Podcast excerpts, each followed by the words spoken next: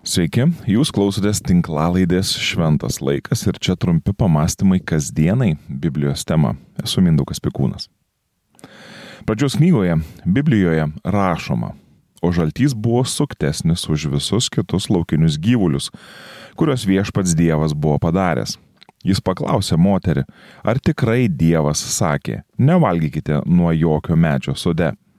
Moteris atsakė žalčiui, vaisius sodo medžių mes galime valgyti tik apie vaisių medžio sodo viduryje. Dievas sakė, jūs nuo jo nevalgysite, nei jo liesite, kad nenumirtumėte. Pradžios knyga, trečias skyrius, pirma, trečia eilutės.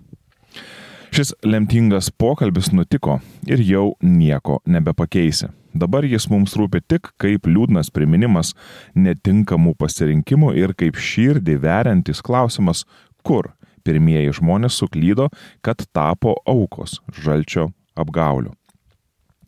Junktinėse valstijose gyvenęs asirologas, Lenkų kilmės žydas Efraimas Spaceris, rašydamas komentarus pradžios knygai, pastebi, kad žalčio žodžiai originalo kalboje neskamba kaip klausimas, o greičiau kaip teiginys, kurį nutraukia Jėvos žodžiai.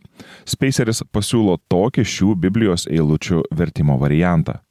O žaltys buvo klastingesnis už visus kitus laukinius gyvulius, kuriuos viešpats Dievas buvo padaręs. Jis kalbėjo su moterimi. Nors Dievas tau sakė nevalgyti nuo jokio medžio sode, bet moteris įsiterpė sakydama, vaisius sodo medžio mes galime valgyti tik apie vaisių sodo, med, medžio sodo viduryje. Dievas sakė, jūs nuo jo nevalgysite, nei jo liesite, kad nenumirtumėte. Tokia įžanga į hebrajų kalbos subtilybės leidžia į šią situaciją pažvelgti taip, jog žaltys neteina pas moterį su klausimu, o greičiau su teiginiu kurio iki galo išdėstyti jam moteris net neleidžia. Jėva su savotišku uolumu nutraukė žalčio monologą, nes jo žodžiai akivaizdžiai prieštarauja Dievo nurodymui. Jie atrodytų aiškiai suvokia, jog yra gundoma ir bando atstatyti pusiausvyrą, kuri buvo sutrukdyta, sutrikdyta žalčio pareiškimo. Vaisius sodo medžių mes galime valgyti, kalbėjo Jėva tik apie vaisių medžio sodo viduryje. Dievas sakė, nuo jo nevalgysite, nei jo liesite, kad nenumirtumėte. Žaltys pasiekė savo, nes Dievas tikrai nesakė, kad negalima valgyti nuo visų medžių. Toks įžulus teiginys taip ir prašosi, kad į jį būtų reaguota. Tačiau panašu, kad ta reakcija yra kaip tik tai, ko ir buvo laukta. Neseniai su savo vaikais kalbėjome apie mokyklos meilės. Pasirodo, jie dabar vadinasi crushai, nuo angliško žodžio crush, kuris reiškia susižavėjimą ar aistringą meilę. Taigi, kalbame mes apie tuos crushus. Mano vaikai, dar šeštokai ir septintokai, tai buvo gana keista apie tai su jais kalbėti, bet tiek jau to. Svarbiausia buvo tiesiog kalbėti apie tai, kuo mano vaikai gyvena.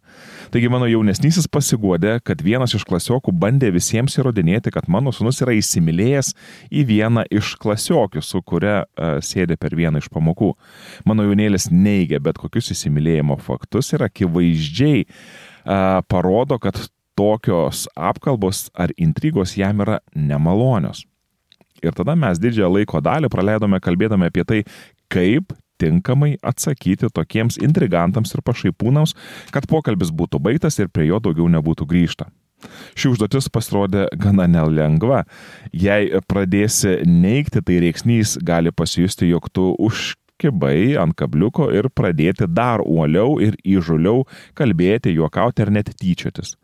Jei pradėsi jį pirmas gėdinti ar žodžiais žeminti, tada išprovokuoti gali dar įžulesnį polimą ir tada gali kilti įtarimas, gal tikrai esi įsimylėjęs. Taigi, nėra taip lengva taip imti ir nutraukti pokalbį, kuris žinai, kad netiesa, tačiau atkaklus, na, atkaiklaus pašaipūno akivaizdoje prie tavęs įkyriai limpa, kaip kokie pušų sakai. O šaltys mūsų skaitytame pasakojime yra apibūdinamas, apibūdinamas kaip suktas, ir klastingas. Galiu tik įsivaizduoti, kad su tokiu oponentu žodinė kova yra ypatingai sunki.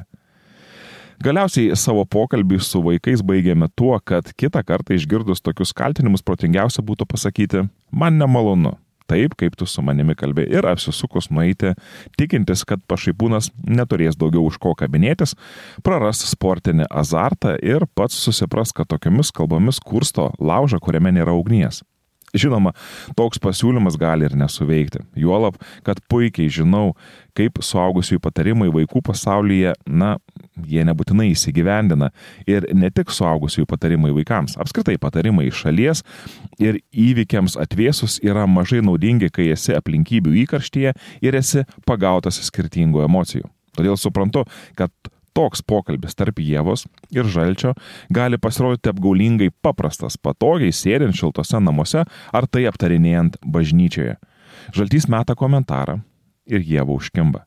Žaltys Jėvai kalbėjo, nors Dievas tau sakė nevalgyti nuo jokio medžio sode.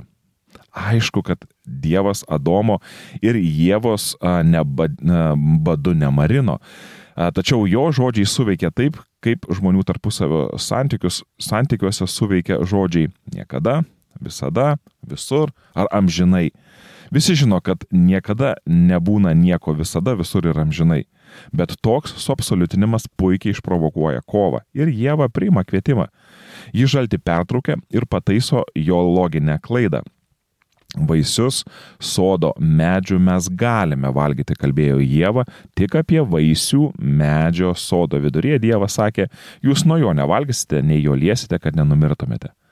Pastebėkime, kad Jėva iš vieno kraštutinumo metasi į kitą. Jis sako, kad Dievas neleido netgi liesti gėrio ir blogio, gėrio ir uh, blogio pažinimo medžio vaisiaus.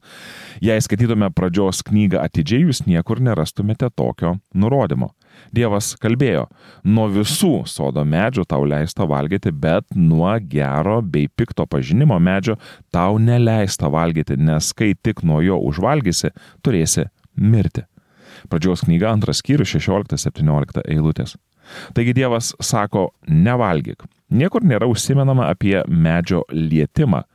Žod, žinoma, jei, na, pavojinga valgyti uždraustą vaisių, tai geriausiai galbūt jo ir neliesti. Tačiau mes čia stebime, kaip gundytojas įtraukė Jėvą į žodžių karą, panašiai kaip apie pirmas meilės klasiokas bandė įtraukti ir mano sūnų, panašiai kaip į tokias kovas vienas kitą įtraukė sutoktiniai, bendradarbiai, politikai ir kaimynai. Kai į žodžių karą gundytojas bandė įtraukti Jėzų, šis nepasidavė. Jėzus kalbėjo trumpai ir citavo tik tai, kas buvo saugu ir atėjo iš paties Dievo lūpų. Mato Evangelijoje yra pasakojama, kaip prie Jėzaus dykumoje prisiartino gundytojas ir tarė, jei tu Dievo sunus liepk, kad šie akmenys pavirstų duona. Bet Jėzus atsakė, parašyta, žmogus gyvas ne vien duona, bet ir kiekvienu žodžiu, kuris išeina iš Dievo lūpų. Tada velnės jį paima į šventą į miestą, pastato ant šventyklos šelmens ir sako, jei tu Dievo sunus, pūk žemyn, nes parašyta, jis lieps savo angelams globoti tave ir jie nešios tave ant rankų, kad neužsigautum kojos į akmenį. Jėzus jam atsakė, taip pat parašyta, negundik viešpaties savo Dievo. Velnes vėl paima jį į labai aukštą kalną ir, rodydamas viso pasaulio karalystės bei jų didybę, sako, visą tai aš tau atiduosiu, jei parpuolės pagarbinsi mane. Tada Jėzus tarė, eik šalin šetonė, juk parašyta, viešpati Dievą vienintelį te garbink ir jam vienam te tarnauk. Tuomet velnes nuo jo atsitraukė, štai angelai prisertino ir jam tarnavo. Mato Evangelija ketvirtas skyrius, trečia, vienuolikta eilutės. Tris kartus velnės bandė Jėzų įvelti į žodžių kovą ir tris kartus Jėzus į kovą neįsivėlė. Tada demonas pasitraukė ir angelai Jėzui patarnavo. Jei į tą kovą būtų nesivėlusi ir Jėva, su Adomu galime būti tikri, jog gundytojas būtų atsitraukęs ir Dievo angelai būtų juos pastiprinę. Tačiau Jėvai, kaip ir Jėzui, reikėjo tame pokalbėje su žalčiu išbūti vienai. Ir ne tik Jėvai ar Jėzui. Kiekvienam iš mūsų teks apturėti individualią akistatą su gundimu. Kai gundimas ateina palaikymo grupelės kontekste, yra lengva su juo kovoti, kaip ir patarinėti kitiems, kaip reikia gyventi. Bet gundimas, jei jis nenusitaikęs į tave vienintelį, iš tiesų net nėra gundimas. Tada tai filosofinė lygtis, kurią reikia išspręsti, o ne egzistencinė kryškelė, kurioje sprendžiasi mūsų likimas. Ir tegul mus įkvepia Jėzaus pavyzdys, kai jis nesivėlė į žodžių karą su gundytoju ir tvirtai laikėsi Dievo žodžio. Dievo žodis yra ir mūsų pasitikėjimo bei tvirtybės šaltinis. Ir atminkime, gundytojas amžinai mūsų nekankins.